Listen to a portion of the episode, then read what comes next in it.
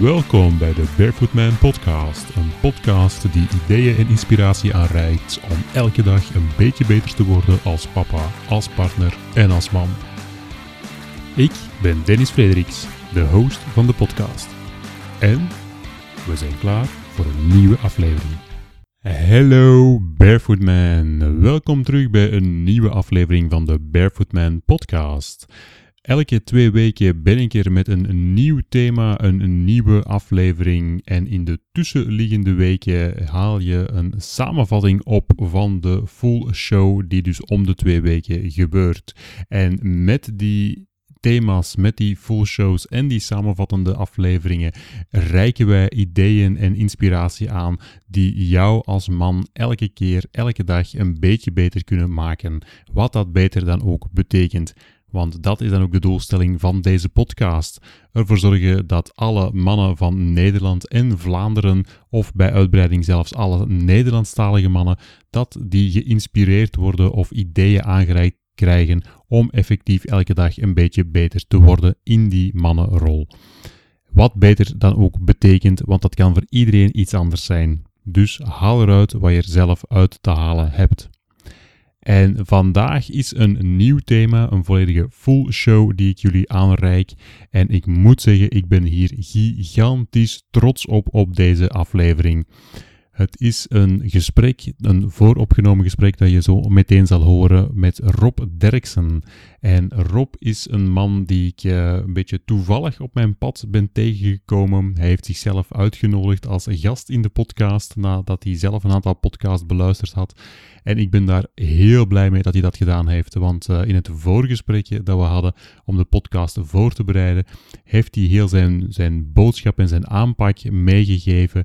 En dat resoneerde zodanig hard dat ik moet toegeven in het uurtje dat ik met hem gesproken heb ter voorbereiding van de podcast, uh, denk ik dat ik uh, drie keer echt een krop in de keel heb gekregen over zijn boodschap. En dat ik dat het echt zodanig emotioneel diep mij raakte, dat ik iets had van wauw, deze boodschap moeten we echt naar buiten brengen. En uh, waar gaat het om over? Wel, eigenlijk gaat het erover dat Rob heel duidelijk meegeeft van kijk, de eerste 18 jaar die je, van je in je leven meemaakt, de eerste 18 kindsjaren, die zijn enorm bepalend voor hoe jij je manifesteert in heel de rest van je leven. Dus als we praten over het, uh, het man zijn en het evolueren als man, dan moeten we dus ook gaan terugkijken naar hoe is de invloed in die eerste 18 jaar geweest van jouw ouders op jezelf. En als je dat systeem bedenkt, dan kun je ook heel goed redeneren en begrijpen van wat jouw eigen invloed is als papa op jouw eigen kinderen. Nu, Rob heeft daar een heel mooi verhaal over. Uh, dat ga ik jou met heel veel plezier laten beluisteren. Dus ik zou zeggen, we gaan niet te veel intro niet meer meegeven. Ik ga vooral het gesprek hier opstarten en meegeven, want uh, daar zitten de echte waarden in. En nogmaals, ik ben gigantisch trots op deze podcast. Dus ga er vooral even voor zitten. Neem de tijd. Het is een uitgebreid gesprek geworden, maar neem de tijd om het echt te beluisteren. Het gaat jou heel veel brengen. Geniet ervan. Dus sowieso al goedemorgen en welkom Rob. Goedemorgen Dennis, dankjewel. Leuk dat je erbij bent. Ja, zeker.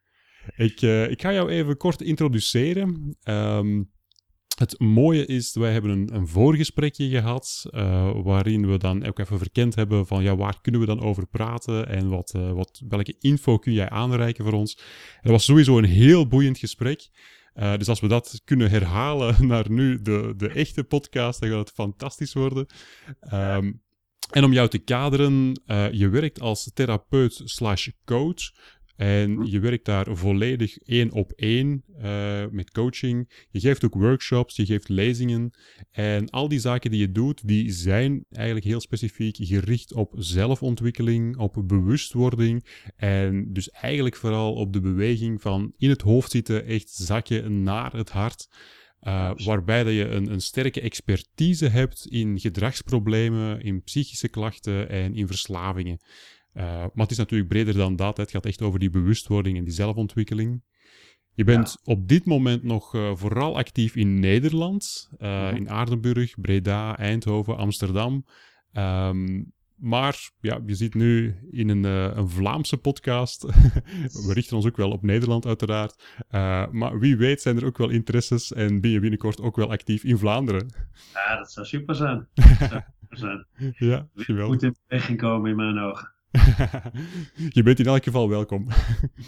dankjewel. Dankjewel. En die activiteiten die je, die je doet, die zijn, uh, zoals je mij verteld hebt, eigenlijk vooral gekomen vanuit een stuk een persoonlijke ervaring. Uh, dan duiken we eigenlijk al onmiddellijk helemaal de inhoud in, want dan had je ook een heel sterk verhaal erop. Ik laat jou, uh, misschien zelf nog wat verder uitdiepen. Maar eigenlijk gaf je aan van uh, jouw zus dat die gediagnoseerd werd met borderline. Um, en dat je eigenlijk daar zelf heel sterk het gevoel had van de manier waarop ze ermee omgaan is eigenlijk totaal fout. En ergens heb je daarin ook een stukje gelijk gekregen, want de behandeling heeft niet echt gewerkt en is zelfs dramatisch geëindigd um, dat je zus uiteindelijk zelfs zelfmoord gepleegd heeft. Ja. Dat ja, heeft, een, uh, ja, dat heeft de, de basis gelegd natuurlijk voor alles wat je, wat je doet. Um, je hebt daar ondertussen ook al twee boeken over geschreven. Uh, bekijk ze eens als mensen is het eerste boek. De overwinning is het tweede boek. En eigenlijk, ja, waar we het vandaag vooral over gaan hebben, is ook een beetje de, de hoofdinsteek die jij hanteert. Namelijk dat uh, de eerste 18 jaar van ons leven, dat die zo belangrijk zijn en dat die grotendeels bepalen wie we zijn en wat we doen. Um, dus daar kunnen we zeker mooie dingen mee doen ik zou vooral zeggen, het bepaalt niet zozeer wie we zijn, mm-hmm. maar wel hoe we ons manifesteren op het moment dat we zeg maar uit huis gaan. Mm-hmm. Wie we zijn, dat ligt eigenlijk wel vast op wat ik noem op zielsniveau, zeg maar. Wie, Mm-hmm. wie ben je, wat is je passie, waar zijn je kwaliteiten, wat, wat, wat maakt dat je doet wat je, wat je wil doen. Mm-hmm. Alleen de manier waarop het eruit komt is heel erg afhankelijk van wat heb je meegekregen uit je, uit je opvoeding. Niet Mhm. alleen vanuit je ouders, maar ook vanuit het geloof en vanuit school en vanuit.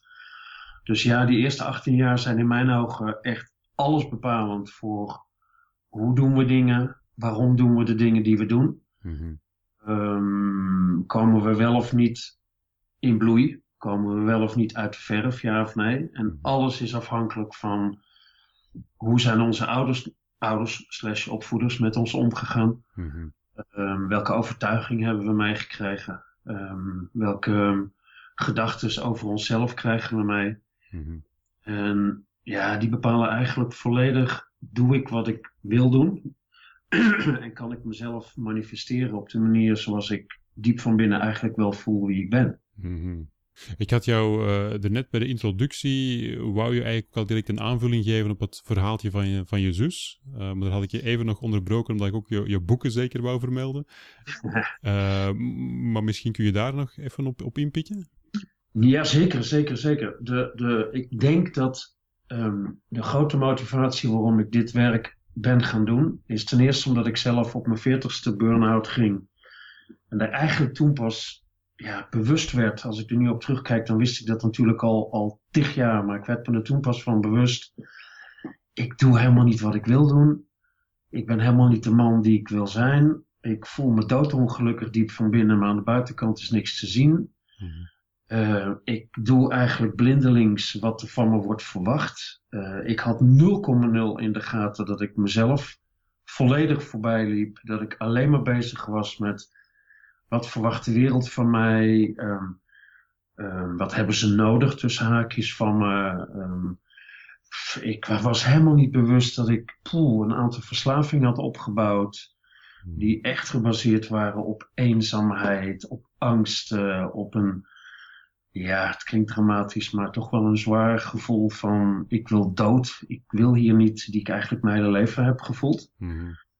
Um, wat ook echt bij ons in het gezin ja, een thema is waar nooit over gesproken werd. Maar nu dat ik met deze materie bezig ben, er absoluut in zit bij iedereen bij ons thuis. Mm-hmm.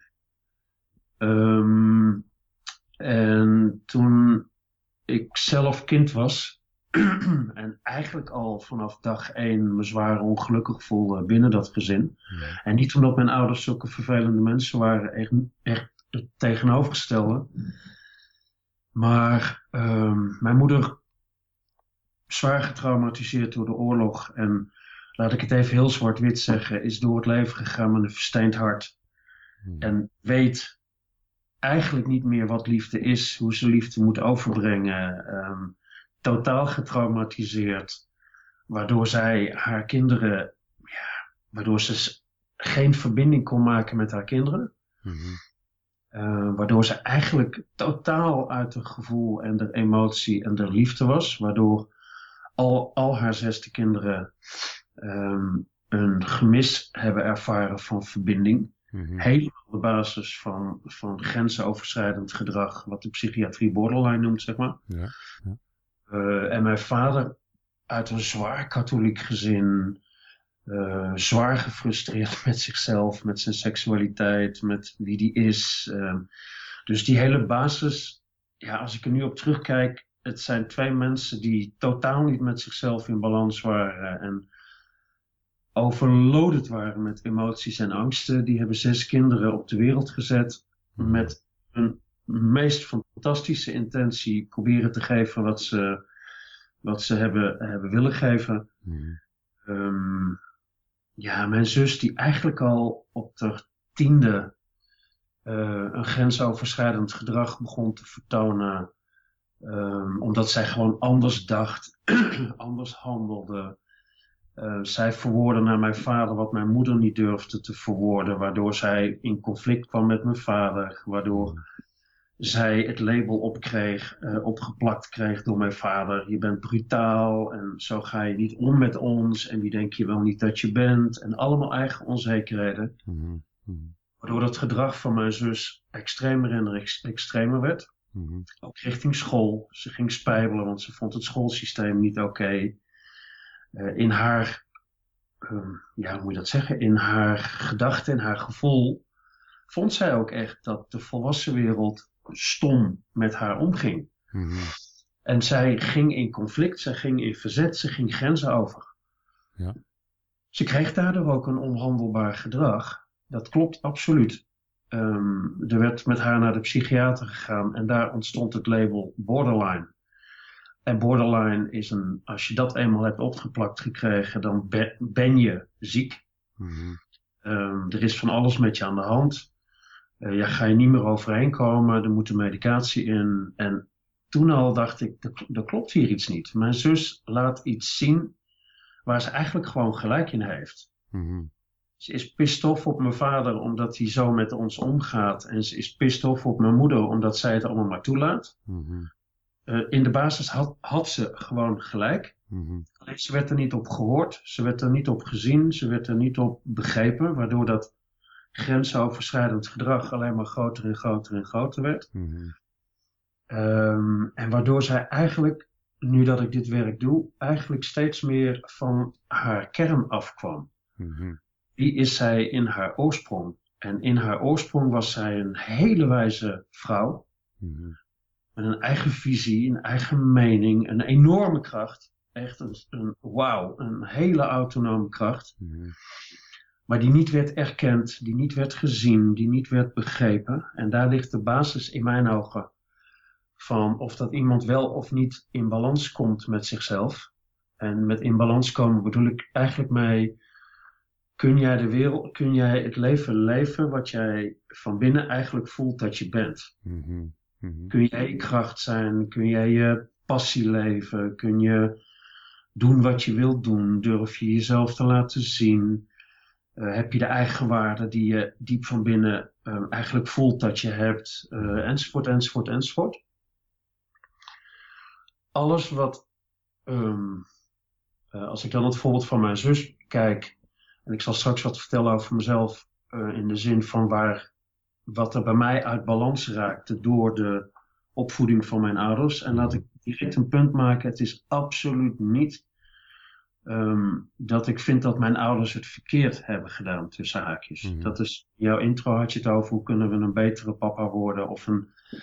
En eigenlijk gaat het niet om, om beter of goed. Het gaat erom, doe ik het vanuit mijn hoofd? Doe ik het vanuit pijn? Doe ik het vanuit emotie? Of mm doe ik het vanuit mijn hart, vanuit mijn liefde, vanuit mijn, vanuit mijn kracht, vanuit mijn kwaliteit, vanuit wie ik van oorsprong ben, zeg maar. -hmm.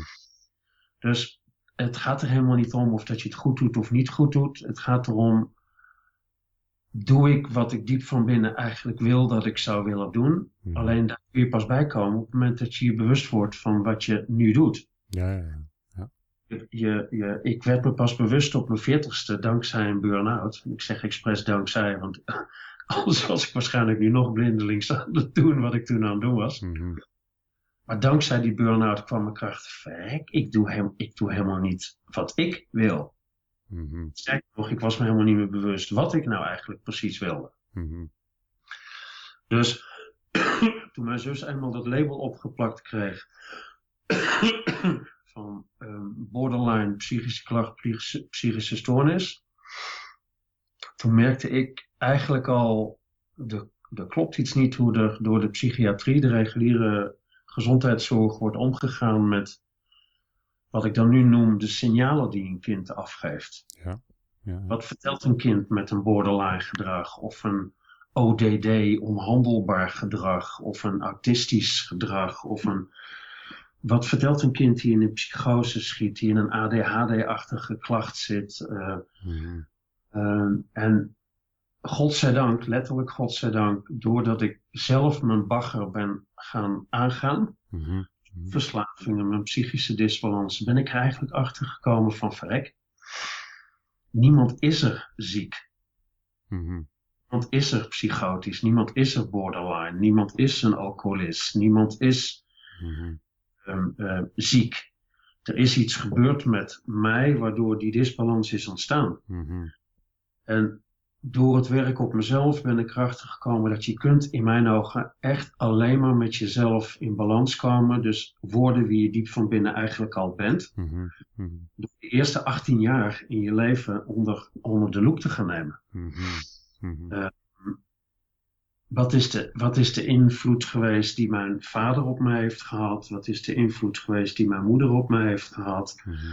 Wat is de invloed van school? Wat is de invloed van de omgeving? Wat is de invloed van het geloof? Ja, ja. Ehm, ehm, heb ik kunnen zijn wie ik wilde zijn? Of ben ik onderdrukt geraakt bijvoorbeeld? Mhm. Mhm. Als ik naar, naar mezelf kijk, bij mij is op mijn, ik denk op mijn vierde, vijfde, zesde jaar, ergens rond die leeftijd, een enorme stotteren ontstaan. Echt enorm, enorm, enorm, enorm. En ik zie nu dat dat stotteren is ontstaan doordat mijn vader vanuit zijn wil om mij groot te maken en, en sterk te maken, me eigenlijk het tegenovergestelde constant onderdrukte. Mhm. Jij wil niet dat je bent en jij altijd met je mening en hou er nou eens mee op. En dus letterlijk zat ik vol in mezelf met woorden en woede wat er maar niet uitkwam en wat er niet uit mocht. En ik moest alles wegstoppen, Mhm. waardoor er letterlijk, letterlijk, letterlijk het, de woorden bleven in me hangen. Mhm. Mhm. Toen ik eenmaal wegging uit Nederland en dus me losmaakte van het ouderlijk gezin, direct toen ik een baan vond en dus vertrouwen kreeg in mezelf en dus een ander beeld over mezelf, nam het stotteren af. Mhm. Dus het is echt waanzinnig. Het is ja, verrek, het heeft alles te maken met, alles heeft te maken met hoe, wat heb ik meegekregen vanuit het ouderlijk gezin. Mhm. Mhm. Je hebt, je hebt nu al, al heel veel aangegeven. Ja. Ehm, misschien een paar highlighters proberen uit te, uit te halen. Ehm, ik vind het sowieso heel interessant dat je aangeeft van het gaat niet zozeer om wie je bent, maar eerder hoe je je manifesteert. Mhm. Eh, en vooral als kind. Ik denk dat we als maatschappij toch heel sterk de neiging hebben om overal labeltjes te gaan opkleven. Mhm. Uh, en dat doet me ook denken aan, aan Brené Brown, uh, die ook heel sterk met kwetsbaarheid bezig is en zo. En in een van haar boeken schrijft ze ook heel letterlijk van het, het, onderscheid te maken tussen wie je bent en het gedrag dat je vertoont. Ja. Wauw, ja, super. En dat ze haar kinderen daar ook heel bewust van maakt. Hè, want wij hebben, en dat zit hem ook zelfs gewoon in, in woordkeuze. Er wordt al heel sterk uh, soms aangegeven van je bent stout. Ja. En waar zij dan zegt van nee, je bent niet stout, je doet stout. Ja. Want je bent goed.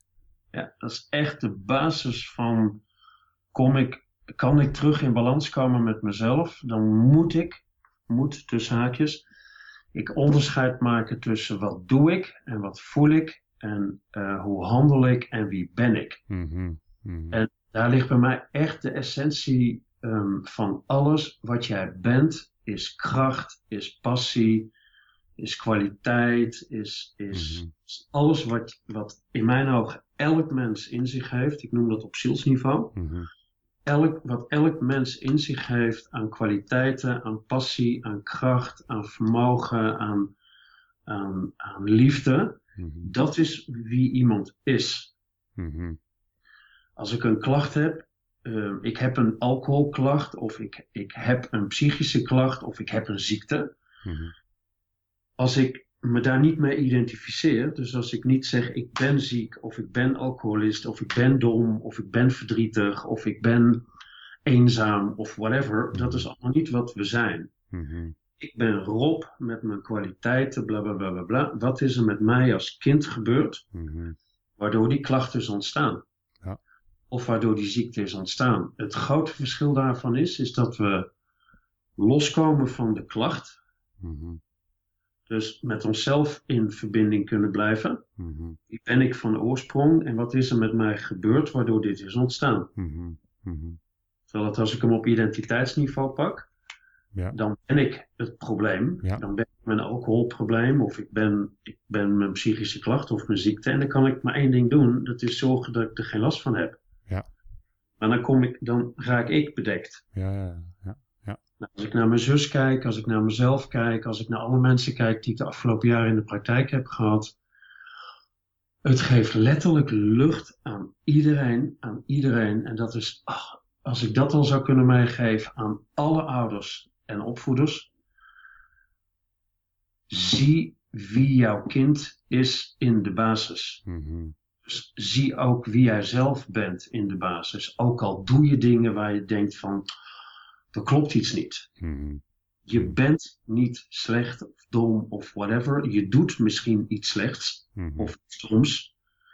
Maar wat is er met mij gebeurd of wat is er met mijn kind gebeurd waardoor dat gedrag is ontstaan? Dat is een hele andere benadering. Ja, ja. Blijf je in verbinding. En dat, dat merkte ik ook bij jezelf, hoe je er net over je ouders sprak. Eh, je maakt er ook heel duidelijk dat onderscheid. En, en Ja. je, je praat met heel veel liefde over hen. Alhoewel dat je ook er heel bewust van bent dat ze ook wel een, een hele grote invloed op je gehad hebben. Nou ja, weet je, dat is het mooie. Uh, ik ben pas tot die liefde kunnen komen. Als je mij tien jaar geleden had gezegd, jij gaat ooit nog van je vader houden, dan had ik je echt voor gek verklaard, Dennis. Ik, wat, ik haatte mijn vader. Mhm. Ik haatte die man. Terwijl dat ik als kind altijd wel dacht, waarom doe je zo? Maar ik was helemaal niet bezig met deze materie toen, zeg maar. Ja. Maar ik snapte het gewoon niet. Het was een, het was een, als ik nu erop terugkijk, ja, dan is het eigenlijk dezelfde man geweest als ik. Golides, ik ben hetzelfde als hij. Hij, heeft, hij is ook eigenlijk een wereldverbeteraar. Um, hij wil ook het beste voor iedereen, nou, enzovoort, enzovoort, enzovoort. Alleen hij is nooit naar zijn eigen kern teruggegaan. Mhm. Hij is nooit naar zijn bagger met emoties en met pijn gegaan die hij heeft opgelopen met uh, zijn ouders. Mhm. Waardoor hij zich ook nooit heeft gerealiseerd dat hij dezelfde disbalans, hè, en dat is waarom ik deze podcast zo interessant vind. Alle disbalansen die je meekrijgt van je ouders, die zitten sowieso, of dat je het nou leuk vindt of niet, in hoe jij met je eigen kinderen omgaat. Mhm. Je kunt dat pas anders doen op het moment als je, dat je je er bewust van bent. Van verrek, ik doe eigenlijk in de basis precies hetzelfde als wat mijn ouders doen. Mhm. Ook al heb ik me voorgenomen om het anders te doen. En ook al doe ik het misschien ook wel anders. Mijn vader heeft absoluut het gevoel gehad dat hij het anders deed dan zijn vader. Mhm. Alleen vlak voor zijn dood zei hij mij in één keer van verrek, ik snap nu pas wat jij me altijd hebt proberen duidelijk te maken, Rob. Ik heb eigenlijk met mijn vader exact dezelfde relatie gehad als jij met mij. Mhm. Alleen ik wilde niet horen, zei hij, dat ik slecht was als vader. Ja.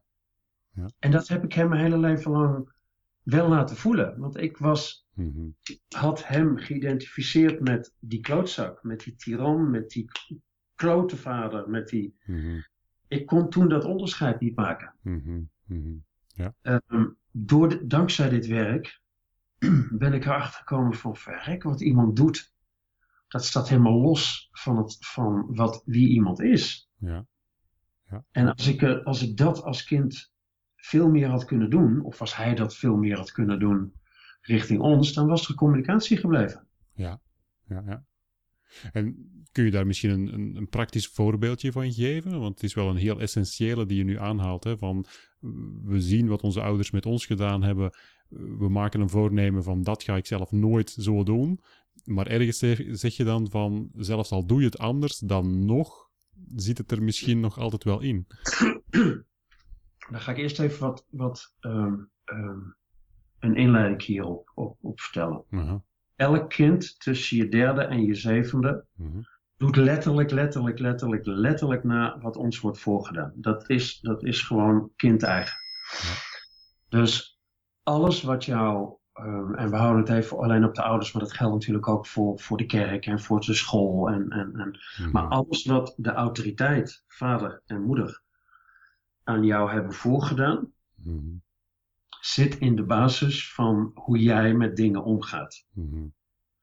Um, in het eerste hoofdstuk van het eerste boek, daar schrijf ik ook echt, wat is de invloed van het ouderlijk gezin op ons zijn? En toen ik dat realiseerde, dat, daar word je bijna ja, eng van in de zin van, jeetje, alles, alles, alles, hoe ik over dingen denk, hoe ik met vriendschappen omga, hoe ik met geld omga, hoe ik met emoties omga, hoe ik met opruimen van mijn huis omga, met koken, met boodschappen. Alles, alles, alles, alles, alles, alles, alles is je voorgedaan door daar waar je wieg heeft gestaan. Mhm.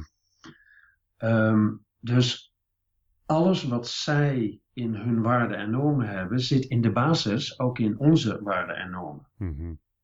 Ja, dat is een uitgangspunt wat, wat iedereen zich ja, moet realiseren zonder oordeel. Echt zonder oordeel. Je bent niet voor niks bij die ouders ingesprongen. Uh, dus blijkbaar heb je die ervaring nodig gehad. Maar hoe dan ook, of dat we het nou leuk vinden of niet, de basis die we hebben meegekregen in de opvoeding zit gewoon in ons. Mhm. Alle onverwerkte um, momenten, alle opgebouwde en niet verwerkte emoties en angsten die wij zelf als kind hebben opgebouwd, Mhm. die, um, zolang die erin zitten, gaan we als volwassenen handelen naar aanleiding van dat wat erin zit. Ik ga of vluchten, of ik ga vechten, of ik ga verstijven. Mhm. Um, stel dat mijn, ik geef een voorbeeld. Um, ik heb het gevoel gehad dat mijn vader mij nooit heeft erkend. Mhm. Of verkondigd. Mhm. Hij heeft mij alleen maar afgebroken. Ik zeg het even heel zwart-wit, hè? Ja. Hij heeft me alleen maar afgebroken. En, en dus als ik kinderen zou hebben gehad, dan had ik me waarschijnlijk voorgenomen als vader. Poeh, ik ga mijn kind elke dag zeggen hoe bijzonder ik, die, ik hem of haar vind. Want Mhm. dat heb ik zelf gemist. Mhm. Of ik ga hem elke dag vertellen hoe trots hij op zichzelf mag zijn. En, en, en, en, en, en, en, en. en. Omdat dat gebaseerd is op een eigen pijn. Mhm. En omdat het gebaseerd is, als ik van mijn ouders bewondering of erkenning niet heb gekregen, Mhm. dan weet ik eigenlijk helemaal niet hoe dat is, hoe, hoe ik dat moet doen naar mezelf. Mhm. Dus dan bewonder ik mijn kind misschien wel, maar eigenlijk wat ik doe in dat uit balans zijnde bewonderen, is ik wil ervoor zorgen dat mijn kind niet dezelfde pijn oploopt als ik. Ja. Met als gevolg dat misschien mijn kind, als die straks kinderen gaat krijgen, zegt, nou mijn vader jongen, pff, ik werd er gek van elke dag dat bewonderen en dat erkennen, daar ga ik eens mee stoppen. Ja. Ja. Dus dat herhaalt zich elke keer. Pas als ik het thema bewonderen en erkennen in mijzelf heb aangepakt, dus de pijn eruit, Mhm. en ik heb mezelf leren bewonderen en erkennen, dan pas komt die, komt die vanuit mijn hart. Mhm. Mhm. Als ik dan aan mijn, mijn kind zeg van, goh, weet je, poeh, dit is echt goed wat je doet, realiseer je dat? Mhm. Is dat een hele andere energie, Mhm. omdat ik dat doe om, omdat ik wil voorkomen dat. Ja, ja. Ja. Snap je? Dus in zoverre ehm, kom ik er nu achter, ook door het werken met ouders en, eh, en met kinderen, van verrek. We doen het eigenlijk altijd gebaseerd op de basis die we hebben. Mhm. En zeg je dan dat je die basis kan veranderen? Hmm.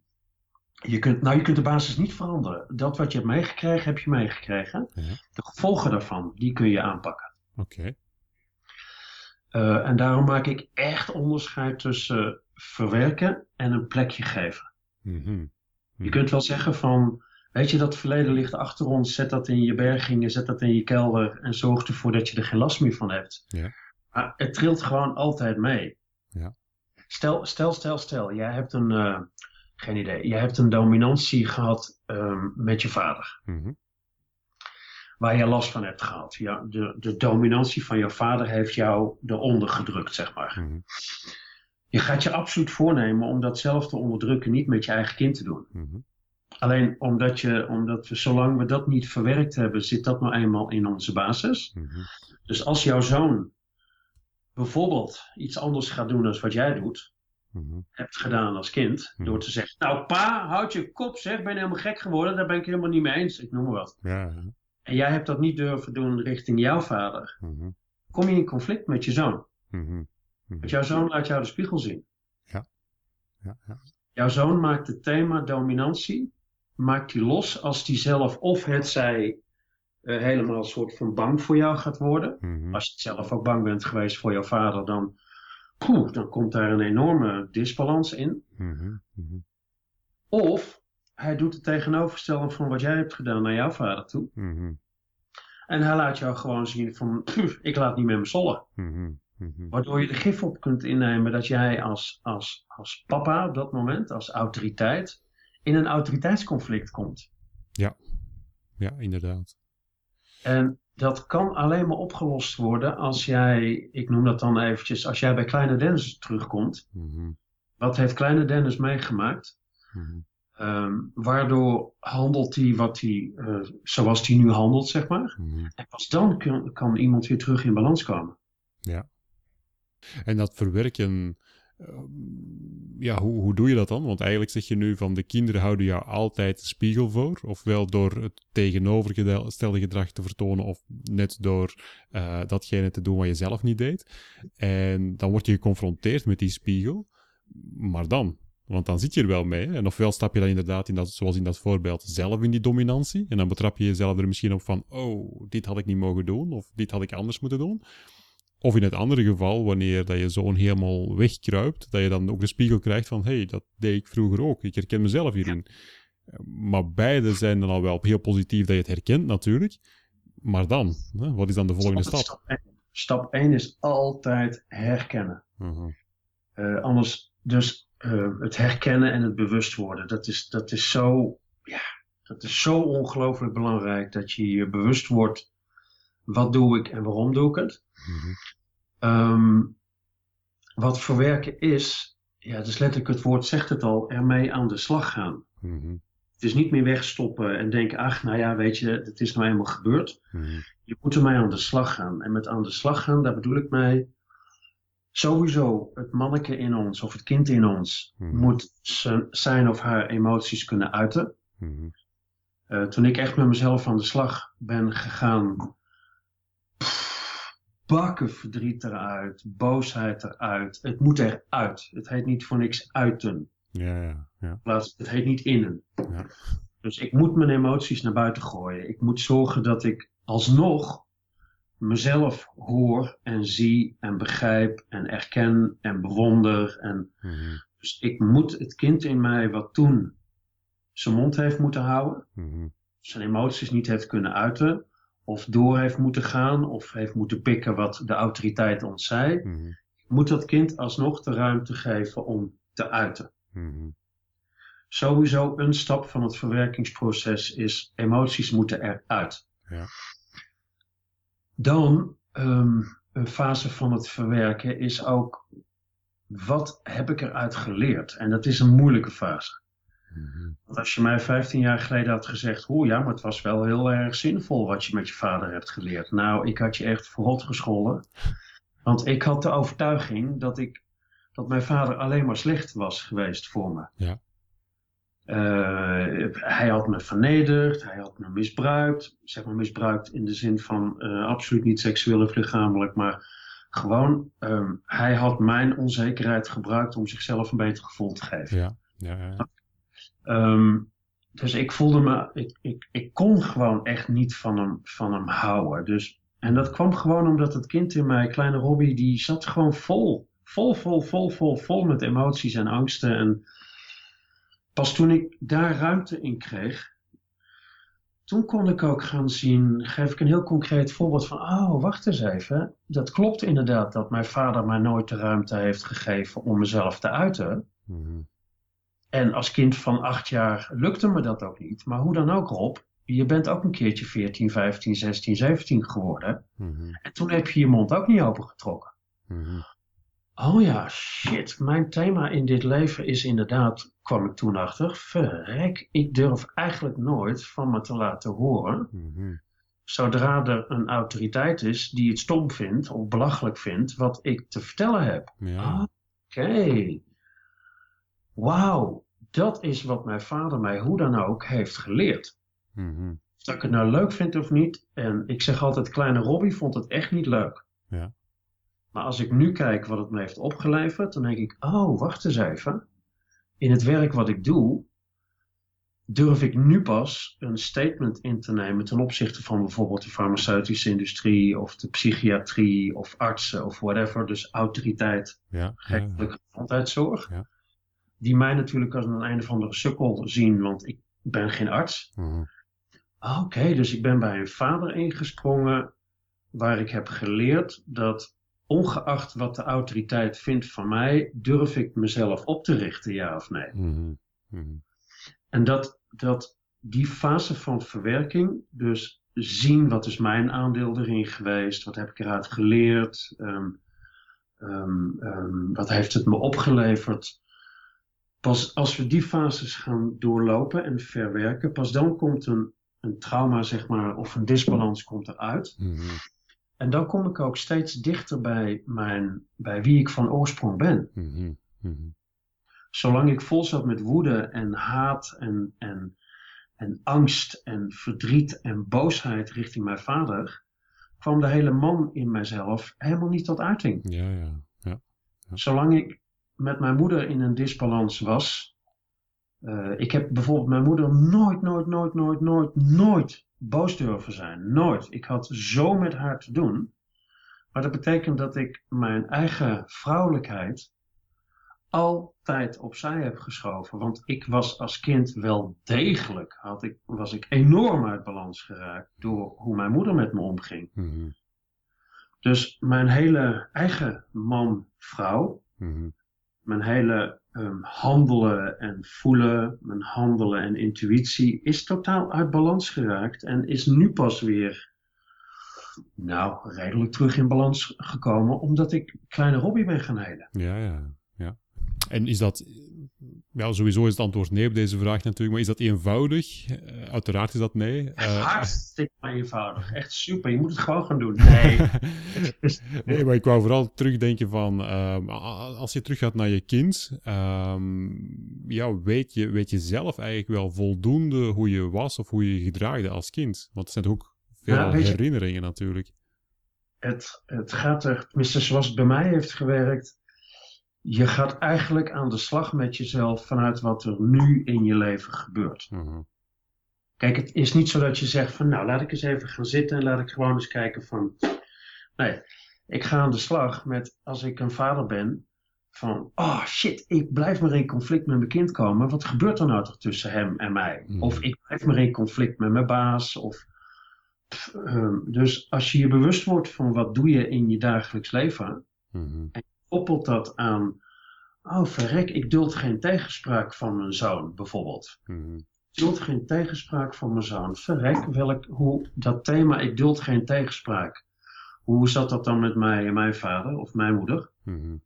Dus je, je, je koppelt het, er is niet een methodiek voor Dennis. Het is, het is eigenlijk ja, je gaat pellen. Je gaat elke keer een stukje, een stukje bewustwording, een stukje emotie eruit halen, waardoor er mm. beetje bij beetje wordt het helderder en lichter en mm. inzichtelijker en dergelijke. Dus ja, uh, eigenlijk bij alles wat je doet in je dagelijks leven nu, hoe ga je om met je partner, hoe ga je om met je kinderen, uh, mm. Wat gebeurt er met je als je in het verkeer zit? Wat gebeurt er met je als je in de supermarkt rondloopt? Het zijn allemaal Ja, ja. dingen die jou bewust kunnen maken van... Ja. Verrek, ik handel zo en zo. Of eh, eh, bijvoorbeeld, ik had niet door hoe, wat een ongelofelijke jaloezie ik in mezelf had tig jaar geleden. Ik, ik had het gewoon echt niet door. Mhm. Toen ik eenmaal begon met aan mezelf te klussen, dat ik denk van verrek, ik ben eigenlijk non-stop jaloers op mensen die zichzelf durven laten zien. Mhm. Oké, en eh, hier is zo'n mooi voorbeeld van een fout in de taal. Ik ben niet jaloers, Mhm. want dat, is, dat is, zou weer op identiteitsniveau zijn. Ja. Van oké, wat is er met mij gebeurd waardoor ik een jaloezie voel Ja. bij mensen die van zichzelf durven laten horen? Oh, mijn ziel roept, ik wil eruit. Mhm. Mhm. Ik wil mijn wijsheid delen. Ik wil mijn visie delen. Ik wil me, van mezelf durven laten horen. Mhm. Dat, zolang kleine Robbie nog steeds het autoriteitsconflict eh, in mezelf had zitten, van wie denk jij wel niet dat je bent, Ja. van vader voortkomend, zolang, zolang dat nog niet verwerkt was, had ik niet in de gaten dat ik eigenlijk inmiddels met mezelf hetzelfde deed. Ja. Ik jij wel niet dat je bent om zo'n boek te schrijven. Ja, ja. Tijdens het schrijven van mijn eerste boek was echt, man, die stem die was constant. wie zit er nou op jou te wachten? En wie, wie gaat dat nou lezen? En wie, wie denk jij wel niet dat je bent? Ik denk, Mhm. "Fuck, Mhm. ik doe inmiddels hetzelfde naar mezelf als wat mijn vader deed. Mhm. Ja, ja, ja. En als we daar over die, die spiegelfunctie spreken. ehm, ja, als ouder ben je natuurlijk met twee. Eh, dus het kind kan ook wel dingen spiegelen die misschien niet van jou afkomstig zijn. Eh, hoe maak je daar het onderscheid? Ja, het is eigenlijk, eigenlijk, eigenlijk heel simpel. Op jouw vraag net van is het simpel om te verwerken? Mhm. Ehm, het wordt ingewikkeld als het echt zware trauma's zijn. Ja. Zware trauma's of veel verdriet of veel boosheid. Of... Maar de methodiek is eigenlijk heel simpel. Constant weer teruggaan naar waar loop ik tegenaan? Hoe, hoe is dat gelinkt aan vroeger? Ehm, uiten, verwerken, wat heb ik eruit geleerd? En die doos is ook weer schoon. Ja. Nou, op jouw vraag daarnet van, goh, ehm, als mijn kind een conflict heeft met, met, of als wij een moeilijke relatie hebben met, met ons kind, Mhm. is dat dan een spiegel die wordt voorgehouden aan, aan mijn vrouw of aan mij? Dat is een beetje jouw vraag, hè, daarnet, hè? Ja, ja, ja. Of dat de invloeden zelfs nog van, van andere plaatsen komen. Hè? Zoals dat je zegt, van school, van, eh, van de kerk, van gelijk ik wel wat. Het gaat erom, als jij je bewust wordt, reageer ik vanuit mijn hoofd of vanuit mijn hart. Mhm. Als je reageert vanuit je hoofd, dus dat is vaak vanuit emotie of vanuit angst, zeg maar, Mhm. Mhm. kun je er gif opnemen dat daar een eigen thema onder zit. Dus stel dat jouw kind te maken heeft met pesten. Mhm. En, en jij voelt echt, oh, ik word, ik word woedend op degene die aan het pesten is. Mhm. Eh, want mijn kind heeft, poeh, hoe- dan kun je er bijna wel met zekerheid op zeggen van, oké, ben ik zelf vroeger ook gepest. Mhm. Als jij helemaal niets hebt met pesten, dan ga je daar waarschijnlijk op een hele andere manier mee om. Mhm. Dus ik denk dat je je als ouder ehm, heel erg bewust moet worden, wat voel ik? Mhm. En niet wat voelen wij. Daar gaat het in mijn ogen vaak mis, tussen haakjes. Mhm. Ehm, als ouders in één keer een, een, een, een eenheid gaan vormen. Natuurlijk moeten ze een of moeten. Het zou fijn zijn als ze een, een eenheid vormen in, maar ze zijn twee individuen. Ja, ja. Zeg maar, dat wat jij hebt als vader is heel iets anders dan wat jouw, jouw, jouw partner Mhm. eh, als moeder heeft met het kind. Mhm. Mhm. En daar gaat het in scheidingen in mijn ogen ook belachelijk vaak mis. Dat ik die ouders echt. die wil ik dan eigenlijk bij een leur vergrijpen. En even met die hoofden tegen elkaar aan van: hey, wake up! Zien jullie niet wat je aan het doen bent met je kind? Ja, ja. Dat wat er speelt tussen jou en je partner moet niet, eh, mag niet, is niet handig, is niet fair. Dat jouw kind daar, jullie kind daar de dupe van is. Klaar. Ja. Al die vechtscheidingen heeft alleen maar te maken met, met ehm, onverwerkte emoties tussen de twee partners. Er komt dan een hele wending in dit gesprek, zeg. ja, ja. Ja, met dezelfde thema's natuurlijk. Hè? Want ja, wat er speelt tussen de, de ouder en jezelf, wat er speelt tussen jou als ouder en je kind, ja, dat speelt uiteraard ook in andere relaties die je hebt. En dan is het wel ja, impressionant zelfs dat je daar toch die systematiek in herkent. Van het zijn eigenlijk allemaal signalen die je krijgt, het zijn allemaal spiegels die je, die je krijgt. En als je daar bewust in staat, dat je daar ook effectief iets mee kan doen. En dat je van daaruit dan ook weer kan groeien. Nou, het gaat me gewoon, de reden waarom ik er met zoveel passie over praat en zo'n zo'n gedrevenheid is, het gaat me echt aan mijn hart hoeveel jongeren en kinderen gediagnosticeerd worden met een psychische klacht of een stoornis en daardoor aan medicatie wordt gezet. Mhm. Terwijl dat ik juist denk, die kids hebben het nodig dat wij als volwassenen anders gaan kijken naar hun klachten. Wat laten zij ons zien? Mhm. Wat maakt dat ze dat onhandelbaar gedrag vertonen op school bijvoorbeeld? Of wat maakt dat ze op hun wolk gaan zitten omdat ze er gewoon geen zin in hebben, whatever. Mhm.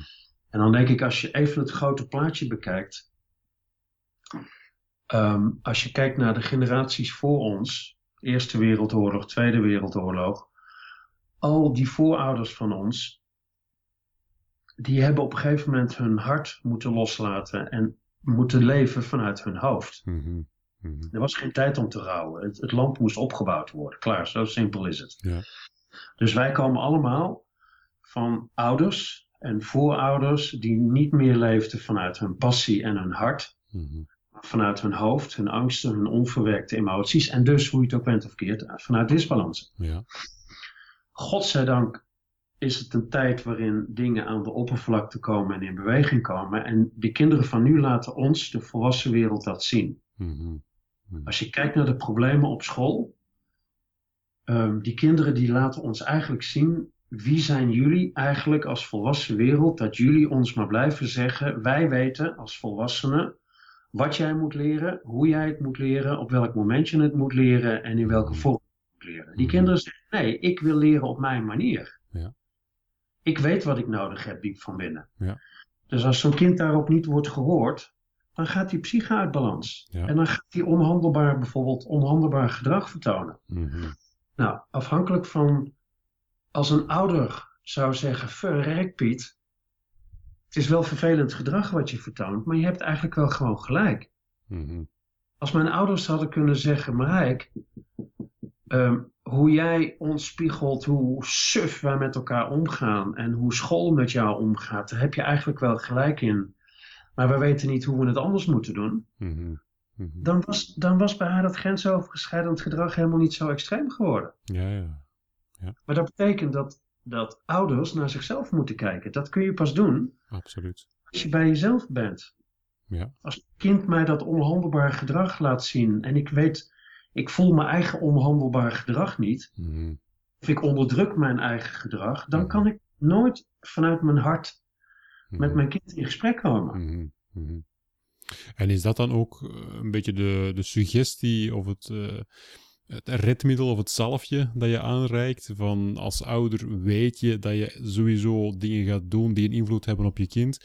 Uh, maar op het moment dat je er bewust van bent, dat je, dat je er ook kan over praten. Dat je het ook gewoon kan meegeven. Zeker.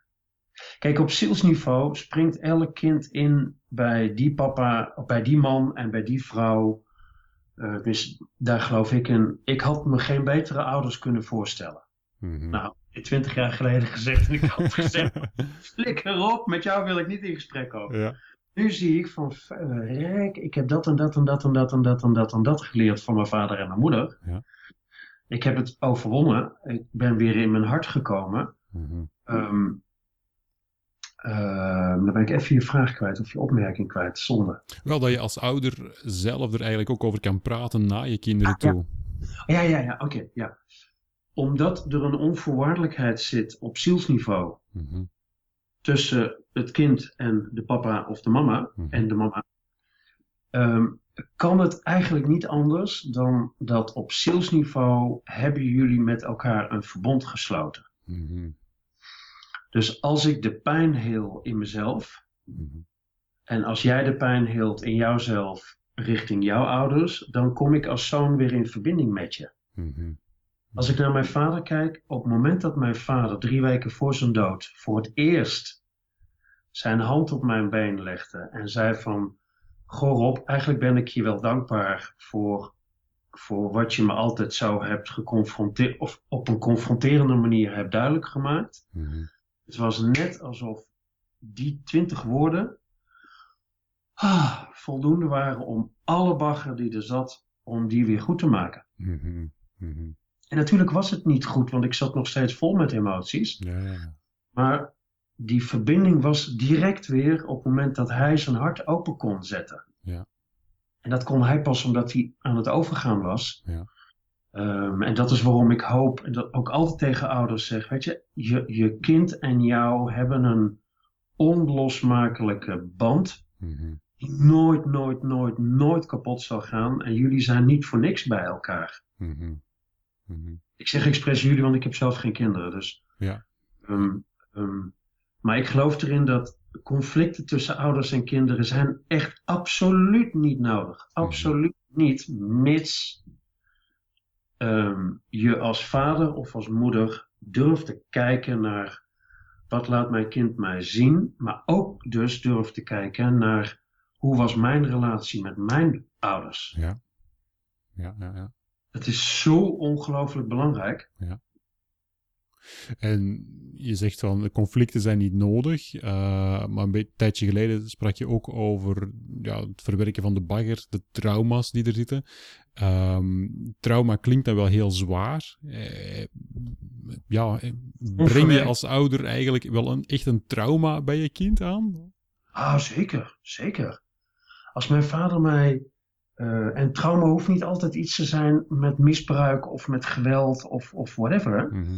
Het feit dat mijn vader mij altijd zei: standaard, wie denk jij wel niet dat je bent? Mhm. Hou jij nou eens je mond dicht. Mhm. Ehm, die, die, ja, dat, is een, dat is tot een paar jaar geleden, heeft dat een zo allesomvattend effect gehad. Mhm.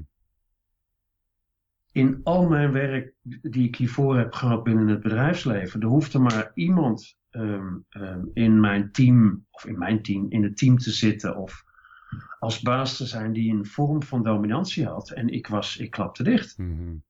Mhm. Dus ja, een trauma is, is ja, noem het onverwerkte, onverwerkte emoties, zeg maar. Oké, ja, ja. En ehm, die conflicten zijn nodig om uiteindelijk het aan het licht te brengen. Ja, ja, ja. ja. Kijk, als ik hier in de praktijk een, een moeder krijg. ik moet erom lachen, want ik moet aan iemand denken. Een moeder die zegt. Oh, kun je even naar mijn kind kijken, kijken? Want die heeft zo'n ongelooflijk onhandelbaar gedrag. Die moet even echt gaan inzien. Ik doe het even heel zwart-wit. Ja, ja. Echt even gaan inzien dat dit zo niet verder kan. Oké, nou, vooruit. Dus wij gingen kijken. eh, en ik vroeg moeder op een gegeven moment: van, Doet jouw kind niet iets wat jij nooit hebt durven doen richting jouw moeder? Mhm. Toen zegt ze, hè? Ja, ik word giftig op mijn kind dat ze zo brutaal doet tegen mij. Mhm. Ik zeg, wat, hoe, was, hoe, was, hoe mocht jij jezelf uiten richting jouw moeder? Ja, niet. Ik zeg, doet jouw kind eigenlijk iets wat jij zelf als kind ook had gewild? Mhm. Ja, maar, ja, maar, ja, maar, nee, wacht nou eens even. Doet zij eigenlijk niet iets, en ik zeg niet dat het fijn is wat ze doet. Mhm. absoluut niet.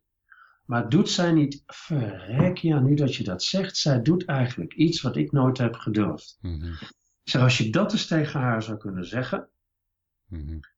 soort van, hé hey Marie, ik vind het ongelooflijk moeilijk om ermee om te gaan, maar wat knap van je dat jij het durft te doen tegen mij. Want Ja. ik durf het nooit tegen mijn moeder te doen. Ja. Dan krijg je dit bij je kind, van hé hé mama, eindelijk. Ja. Het, Ja. het is magisch als, als je als ouders, ja, hoe moet ik dat zeggen, niet je kwetsbaar nederig, maar aan de andere kant ook wel kwetsbaar nederig durft op te stellen. Mhm. Mhm. kan volgens mij alleen maar als je ervan uitgaat dat jullie niet, niet voor niks bij elkaar zijn. Mhm. Dat er van oorsprong sowieso een liefdesband is. Ehm, en dat de conflicten die er zijn, of zijn geweest, dat die ergens uit voortkomen. En altijd zijn ontstaan in de relatie die jullie als ouders zelf hebben gehad. Uh, of als, uh, die jullie als ouders hebben gehad met jullie eigen ouders. Ja. ja, ja, ja. Dat is gewoon onze basis hoe we dingen doen. Ja. ja. en ik, ik, ik, voel heel sterk het verschil van, van hoe dat je het uitdrukt natuurlijk. Hè? Van uh, die nederigheid, die kwetsbaarheid, dat is inderdaad, dat komt helemaal vanuit het hart. Ja. Um, maar voor mensen die daar misschien minder mee begaan zijn van wat komt er nu uit het hoofd, wat komt er nu uit het hart, van ja, hoe, hoe herken je dat bij jezelf? Oké, okay, nou dan ga ik dan, ja, dat is, ik ga ervan uit dat van oorsprong mm -hmm. leven wij als mens altijd vanuit ons hart. Mm -hmm. Het hart is het vrouwelijke. Mm -hmm. Er is, hoop ik, geen enkele baby die eerst nadenkt, dus hoofd, van oh, um, is het nu wel oké okay om te huilen? Want mama heeft het druk. Nee, een kind voelt niet of voelt honger en die volgt het hart. Ja. Dus dat is van oorsprong het vrouwelijke ja. heeft de leiding. Ja. Het mannelijke in ons, wat elk mens gewoon ook heeft, mm-hmm. is de beschermer, zorgt ervoor voor actie ondernemen. Dus we hebben allemaal een man en een vrouw in ons. En het vrouwelijke is eigenlijk, dus het hart, is eigenlijk de, de, de leidende de leidende kant. Mm-hmm. Hoe meer emoties we opbouwen, hoe meer angsten we opbouwen, hoe meer het hoofd het gaat overnemen.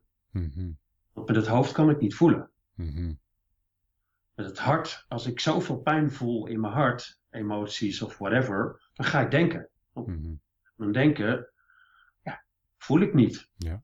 Nou, dat is de generaties waaruit wij komen, zijn het merendeel van onze voorouders zaten in hun hoofd niet meer in hun hart. Dus in het mannelijke en niet meer in het vrouwelijke. Mm-hmm.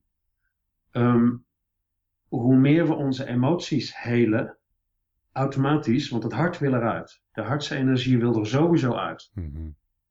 En dat is voor mij echt het cadeautje van alles. Uiteindelijk kunnen we weer in verbinding komen met dat hart. En daar hoeven we, ja, daar moeten we misschien wel heel veel voor doen. Mm-hmm. Maar naarmate we meer en meer emoties en angsten gaan verwerken, zal ons gevoel, onze intuïtie, onze vrouwelijke kant, zal steeds meer aan de oppervlakte komen. Mm-hmm. En dan komen we ook automatisch, en ik praat uit eigen ervaring, naarmate ik schoner en schoner en schoner en schoner werd, mm-hmm. merkte ik dat ik meer en meer en meer in mijn zielskwaliteit kwam, in mijn hart kwam, in mijn liefde kwam. Mm-hmm. Vanuit dit kan ik als vader en moeder natuurlijk op een hele andere manier met mijn kind omgaan. Mm-hmm. Mm-hmm. Als dat vanuit pijn doe. Ja, ja, ja. Dus het woord dat je er net uh, aanhaalde lijkt mij er een heel belangrijke in. Hè? Handelen vanuit liefde. Kun, kun je dat definiëren als zijnde van handelen yeah. vanuit het hart of het hart meer de ja, oppervlakte absoluut. laten geven? Absoluut, absoluut. Als ik, um, als ik in liefde ben verbonden, mm-hmm. dus vanuit mijn hart dingen doe. Ik, ik, ge, ik geef een afschuwelijk voorbeeld, en, maar ik denk dat iedereen het wel kan herkennen. Marc Dutroux. Mm-hmm. Iedereen, iedereen, iedereen, iedereen zal het in me eens zijn dat het gedrag wat deze man vertoont is vanuit het hoofd, is een vreselijk gedrag, is echt weg. Ja. Het gedrag. Toch zit er onder dat gedrag zit een mens. Of dat we het nou leuk vinden of niet. Mm-hmm. Ook Marc Dutroux is een mens. Mm-hmm. Wat is er met Mark gebeurd als kind, waardoor hij dit vreselijke gedrag, wat ik voor duizend procent afkeur, mm-hmm. is ontstaan? Ja. Als ik zo met hem kan omgaan, dan kan ik omgaan met mijn hart. Mm-hmm. Vanuit mijn hart, dat doe ik niet vanuit mijn hoofd. Mm-hmm. Nou, trek dat door naar je kind. Ook al is jouw kind, heeft jouw kind een kutgedrag of een oh, haalt het bloed onder je nagels vandaag gedrag. Nog steeds onder dat gedrag zit een, een ziel, zit een hart. Wat is er met dat kind gebeurd waardoor dit gedrag is ontstaan? Mm-hmm. Mm-hmm. Als ik me bewust word dat ik vanuit ah, afwijzing, vanuit, vanuit afkeer, vanuit veroordeling, vanuit ah, jaloezie, eigenlijk al die, als ik vanuit emoties reageer, mm-hmm. kun je er gif op innemen dat je eigenlijk reageert vanuit je hoofd. Ja, ja, ja, ja. En dan zit daar weer een thema voor jezelf om eens Absoluut. dieper naar te kijken. En, Absoluut. Ja, Absoluut. ja, ja, ja. als, als mens willen we leven vanuit ons hart. Dat, Mhm. dat, dat, dat, ik geloof er niet in dat er iemand op deze aardbol rondloopt die geen bezieling of eh, geen hartsenergie heeft. Dat, dat kan voor mij niet. Ja. Ook al gaat het er vreselijk aan toe in deze wereld. Mhm. Wat is er gebeurd met al die mensen waardoor we zo inmiddels met elkaar omgaan? Ja, ja. ja, inderdaad. En zoals dat je het nu uitlegt, is, is ja, eigenlijk heel de maatschappij op het hoofd gericht. Hè? Absoluut. Denk maar aan het bedrijfsleven, waar alles in, actie, in actielijstjes moet uitgedrukt worden, waar eh, de doelstellingen belangrijk zijn. Dat, Vreselijk. ja, ja, ja. En alles voortkomend uit ehm, de generaties voor ons. Je bent pas iets als je veel geld verdient. En je Mhm. bent pas iets als je een status hebt. En je bent pas iets als je een managersfunctie hebt. En je bent pas iets als je. Nee. enzovoort. ja, ja, ja, ja, ja, ja. En daarmee Dus ja. verliezen we eigenlijk echt die voeling vanuit het, van Absoluut. het hart. Absoluut. Heel boeiend, heel boeiend. ik, eh, ik merk het ook, ook gewoon in de manier waarop dat je praat. Ik hoop dat het de, bij de andere luisteraars evenzeer zo is, maar ik, ik merk gewoon het verschil van hoe dat je het uitdrukt. Wanneer zit je in het hoofd, wanneer zit je in het hart. Eh, en en dat, dat gewoon al voelen is, is echt een trigger om er op een andere manier in te staan, op een andere manier mee om te gaan. Fijn. Fijn om te horen. Dat is ook echt, is echt mijn grote passie. Misschien zelfs wel mijn missie. Waarom ik hier op deze aardbol ben. Mhm. Als ik zou kunnen bijdragen dat er wat meer mensen vanuit hun hart gaan leven in plaats van vanuit het hoofd. Mhm. Poeh, dan gaat deze wereld er een stuk liefdevoller uitzien. En dan lijkt het mij dat het ook gewoon veel eenvoudiger wordt. Zeker. Het wordt veel ja, eenvoudiger, liefdevoller, respectvoller. eh, Ja, ja, ja. hoe we nu met elkaar omgaan. Dus ik vind het vreselijk om te zien hoe we met elkaar omgaan. Mhm. En zeker ook op het thema waar we nu over praten, hè, van hoe ben je als ouder naar je kinderen toe. Ehm, ja, wat er net in mijn hoofd ook voorbij kwam, was zo heel de reeks aan opvoedingsmodelletjes. Ehm, Waar zeker heel veel waarheid in zit en, en heel veel, waar je als ouder ook heel veel uit kan putten, denk ik. Maar langs de andere kant, als ik jou dan echt die, die hartsverbintenis hoor uitspreken en de manier waarop je daar vanuit dat standpunt dan kijkt naar je kinderen, ja, dan vallen al die modelletjes eigenlijk plotseling ineens overboord. Ik vind het wel grappig dat je dat zegt. Ik heb niet zoveel met modelletjes, want het is ook hoop. Ja, absoluut. Ja. Het, het is, en het, het zijn allemaal, het kan helpen, maar volgens mij de essentie zit hem erin. Ben ik me bewust waarom ik doe wat ik doe? Mhm. Doe ik wat ik eigenlijk diep van binnen zou willen doen? Mhm. Eh, zit ik in mijn hoofd of zit ik in mijn hart? En als je gaat verwerken, als je bij je eigen pijn komt en je gaat dat verwerken en je komt weer terug in je hart, dan kan het niet anders dan dat het goed gaat tussen jou als ouder en je kind. Mhm. Mhm. Ook al gaat het niet goed met je kind, als je een hartsverbinding hebt, dan is er communicatie. Ja, ja, ja. Als je een hartsverbinding hebt, dan is er conflict. En we hadden het er net ook al een beetje opengetrokken dat het niet alleen de, de ouder-kindrelatie is, maar dat het eigenlijk op alle relaties speelt. Ja, Ehm, kun je daar alleen leidend in zijn? Stel, voorbeeldje, ik, ik ga naar die hartsverbintenis, ik ga helemaal naar het hart, eh, maar de mensen rondom mij doen dat niet. Kan, kan ik Ja. daar wel een beweging op gang brengen? Ja, zeker. Eh, het feit dat jij naar je hart gaat, zet je sowieso al iets in beweging. Mhm. Mhm. Ehm, de energie die je uitzendt vanuit je hart is een andere trilling en energie als die je uitzendt vanuit je hoofd. Mhm. Dus je- ook daarin word je weer een spiegel voor de ander. En het kan zijn dat de ander jou een zwever vindt en zegt, nou, maar jou hoeft niet meer om te gaan, want de manier waarop jij met je kind omgaat, eh, dat is niet mijn manier. Mhm. Oké, dan, dan volgt daar een afscheiding of zo. Ja. Maar hoe meer mensen naar hun hart gaan, eh, hoe meer mensen het vanuit een bepaalde vorm van liefde doen, hoe, hoe hoger die trilling van liefde zich ook zal, zal voortplanten, zeg maar. Mhm. Mhm. Schitterend. Schitterend. Fijn gesprek dit, dankjewel Dennis, voorbeeld al. ik, eh, ja, ik heb het idee dat we nog uren zouden kunnen doorgaan over allerlei thema's. Eh, We hadden het ook in ons voorgesprekje al aangekaart van misschien moet ik jou nog wel een paar keer laten terugkomen als podcastgast, want er zijn zoveel thema's waar we over kunnen praten. Ehm, rond dit thema denk ik hebben we wel al heel veel gezegd. Denk ik dat we ook al heel veel input hebben meegegeven. Het belangrijkste is dat uh, de podcast niet alleen gebruikt wordt om naar te luisteren en wat uh, ideeën en inspiratie te tanken, maar dat mensen het ook effectief in actie kunnen omvertalen. Dat is dan wel even het mannelijke, het hoofdgedrag, dat, dat we dan toch stimuleren, maar dat er wel iets mee gebeurt natuurlijk. Um, dus in dat opzicht heb ik ook zoiets van, misschien moeten we het hier ook wel een beetje gaan afronden, dat we niet te veel meegeven, dat we niet overstelpen, zodat er nog iets kan gebeuren. En om af te ronden heb ik altijd een, eh, een hele leuke vraag. Uh, de vraag namelijk van welke vraag zou jij nu eens heel graag beantwoorden, maar stelt men jou heel weinig of quasi niet? Wat is er nodig in deze wereld om van deze wereld een mooiere wereld te maken? Zo, die rolt er wel zo uit. Die komt heel vlot, ja. ja, ja dat, het is ook echt, als ik vroeger als kind, nou ja, die, die vraag dus. Uh-huh. Um, omdat ik echt mijn hele leven lang al het gevoel heb, als kind riep ik, kind eenvoudig. Uh-huh. Waarom doen ze niet allemaal zoals ik zou doen? Ja. Waarom leeft niet iedereen gewoon vanuit zijn, vanuit zijn, zijn, zijn hart? Ik weet niet hoe ik dat als kind zei. Ja. Maar ik had als kind de stelregel bijvoorbeeld: waarom neemt niet iedereen wat ze nodig hebben en geven ze terug wat ze over hebben? Uh-huh. Dan ziet de wereld er toch veel mooier uit. Nou, dat is eigenlijk een achterliggend thema wat mijn hele leven lang een soort van een rode draad is geworden en gebleven. Ja.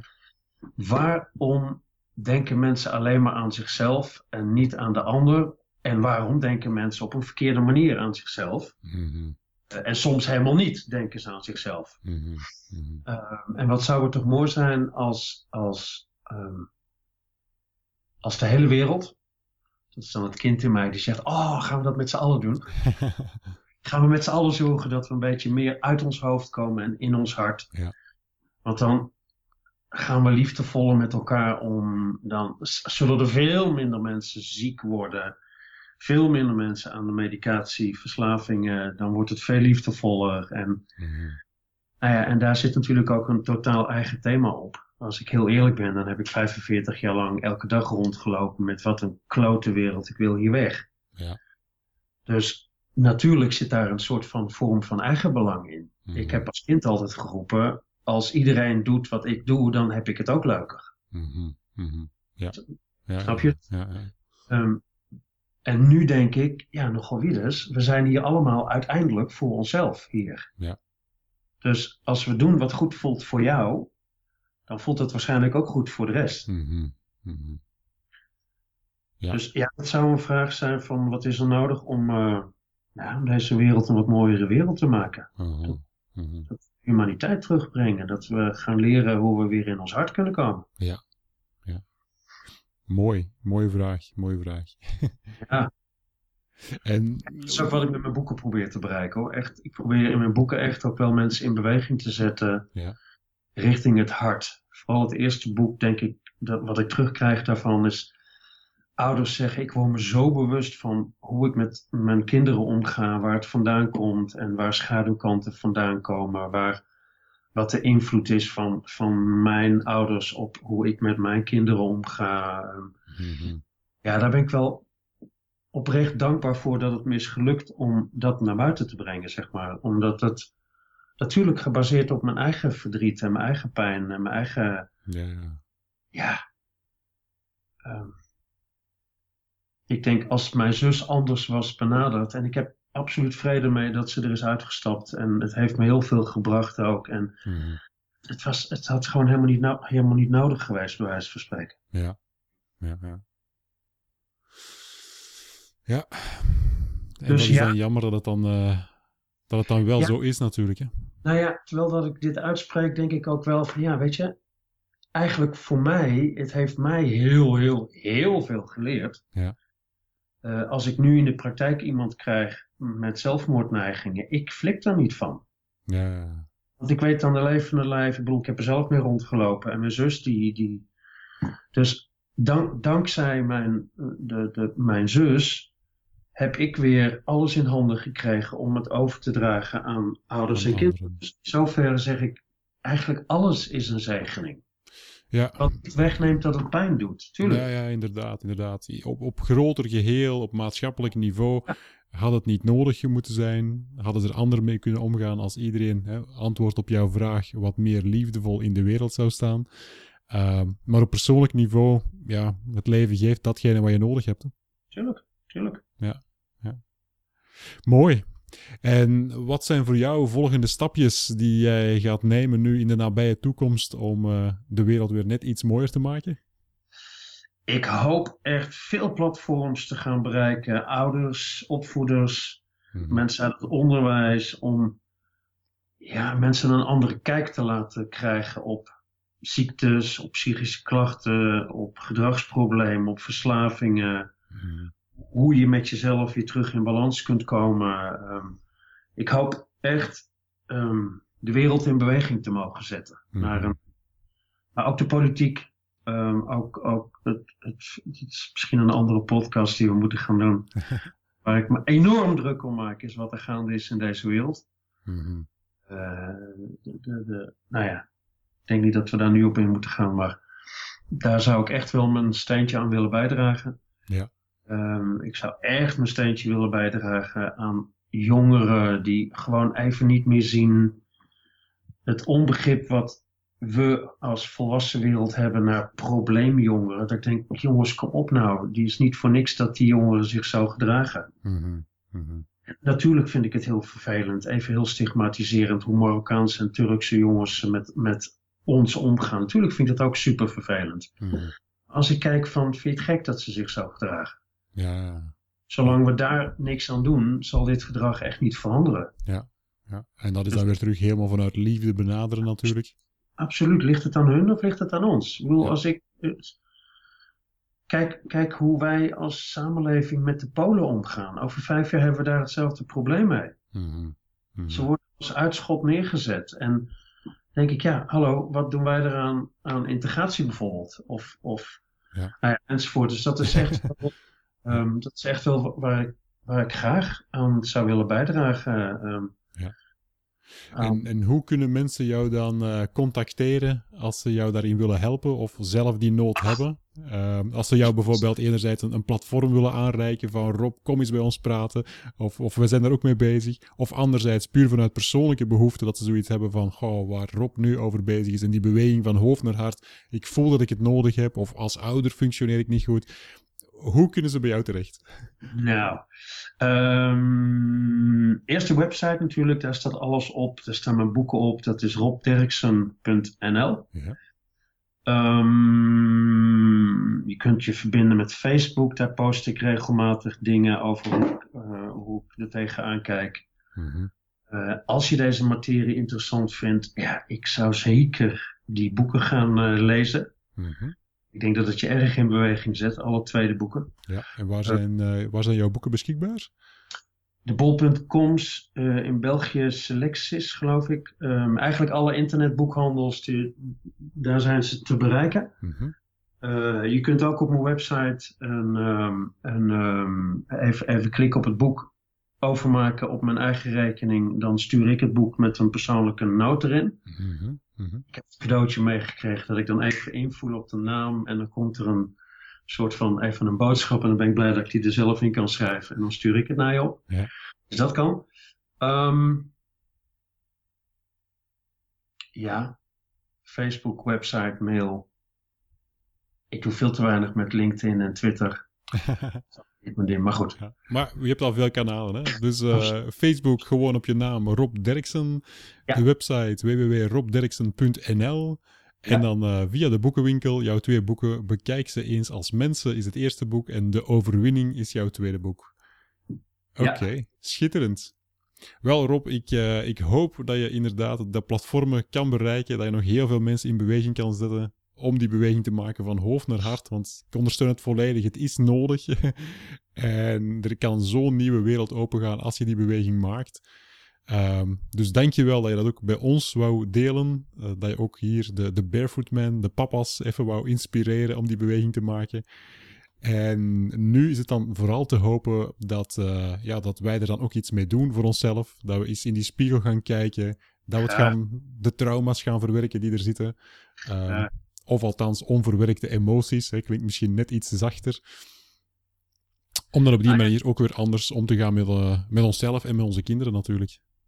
Absoluut, absoluut. En als je jezelf naar een hoger plan brengt, dan breng je automatisch je relatie met je kind ook naar een hoger plan. Mm -hmm. Inderdaad. Dus, graag. Ja. graag. Ja, super. Jij, dat, dankjewel dat ik dit platform bij je heb gekregen. Het, het, is een, ik vind het altijd makkelijker om tegen iemand te praten dan tegen zo'n camera te praten. dus, ja, ja. En die camera zegt niet zoveel terug natuurlijk. Dus. nee, dan moet je op focussen, dan moet je op dat, op dat, ja, op dat kijken. En dit is gewoon, gewoon veel makkelijker praten voor mij. Ja, ja. Wel, het was een eer om jou erbij te hebben. En zoals gezegd, uh, er zijn zoveel interessante thema's waar wij nog over kunnen praten. Dus ik denk dat de kans heel groot is dat binnen x aantal podcasts de naam Rob Derksen nog wel eens opnieuw zal passeren. Bij voorbaat dank en ik ben beschikbaar, Dennis. Oké, schitterend. Tot uh, de volgende keer dan alvast. Tot de volgende keer. Bye. Doeg. Zo, dat was het gesprek met Rob. En ik hoop dat jij er evenveel uitgehaald hebt dan dat ik er zelf uitgehaald heb. Het is een podcast die ik zelf nu al een paar keer herbeluisterd heb. En ik blijf er telkens van genieten. Ik blijf er telkens dingen uithalen. Dus het is een boodschap die bij mij heel sterk resoneert. Ik ben ervan overtuigd dat er voor jou ook nog heel veel in zit. Dus het is een podcast die je zeker moet markeren in jouw geheugen om regelmatig eens terug te beluisteren. En telkens zal je wel iets nieuw ontdekken en telkens zal je weer een stapje kunnen maken voor jezelf. Wat voor jezelf een heel groot iets is, maar vooral ook naar je kinderen toe een heel groot iets is. En als je daar nu echt zelf mee aan de slag wil gaan, dan uh, zoals Rob het zelf voorstelt, je kan natuurlijk bij hem zelf terecht, maar je kan ook zeker terecht in onze Barefoot Man Facebookgroep. Een groep voor mannen die de podcast beluisteren en die zeggen van hey, hier wil ik iets mee. Ik wil nu echt in actie treden en ik wil daar vooral accountability partners in hebben. Ik wil daar vooral sparring partners in hebben. Om dus met andere mannen ook in gesprek te kunnen gaan over die onderwerpen. En elkaar daar ook in te stimuleren en te helpen om effectief die stapjes voorwaarts te maken. Het is eenvoudig terug te vinden. Ga gewoon naar Facebook, typ daarin Barefoot Man. En dan zul je gegarandeerd zowel de Facebook-pagina als de Facebook-groep erin terugvinden. De pagina is meer het algemene uithangbord, daar wordt ook de podcast via verspreid enzovoort. De groep is meer om inhoudelijk iets te verrichten. Dus ik zou zeggen, lid worden, ik zie je daar en dan kunnen we nog verder de diepte ingaan. Rob zal zelf ook in de groep mee aanwezig zijn, zodat we het volledig samen kunnen uitdiepen en er ook effectief mee aan de slag kunnen gaan. Heel veel succes met jouw persoonlijke evolutie en tot binnenkort voor de volgende podcast. Bye.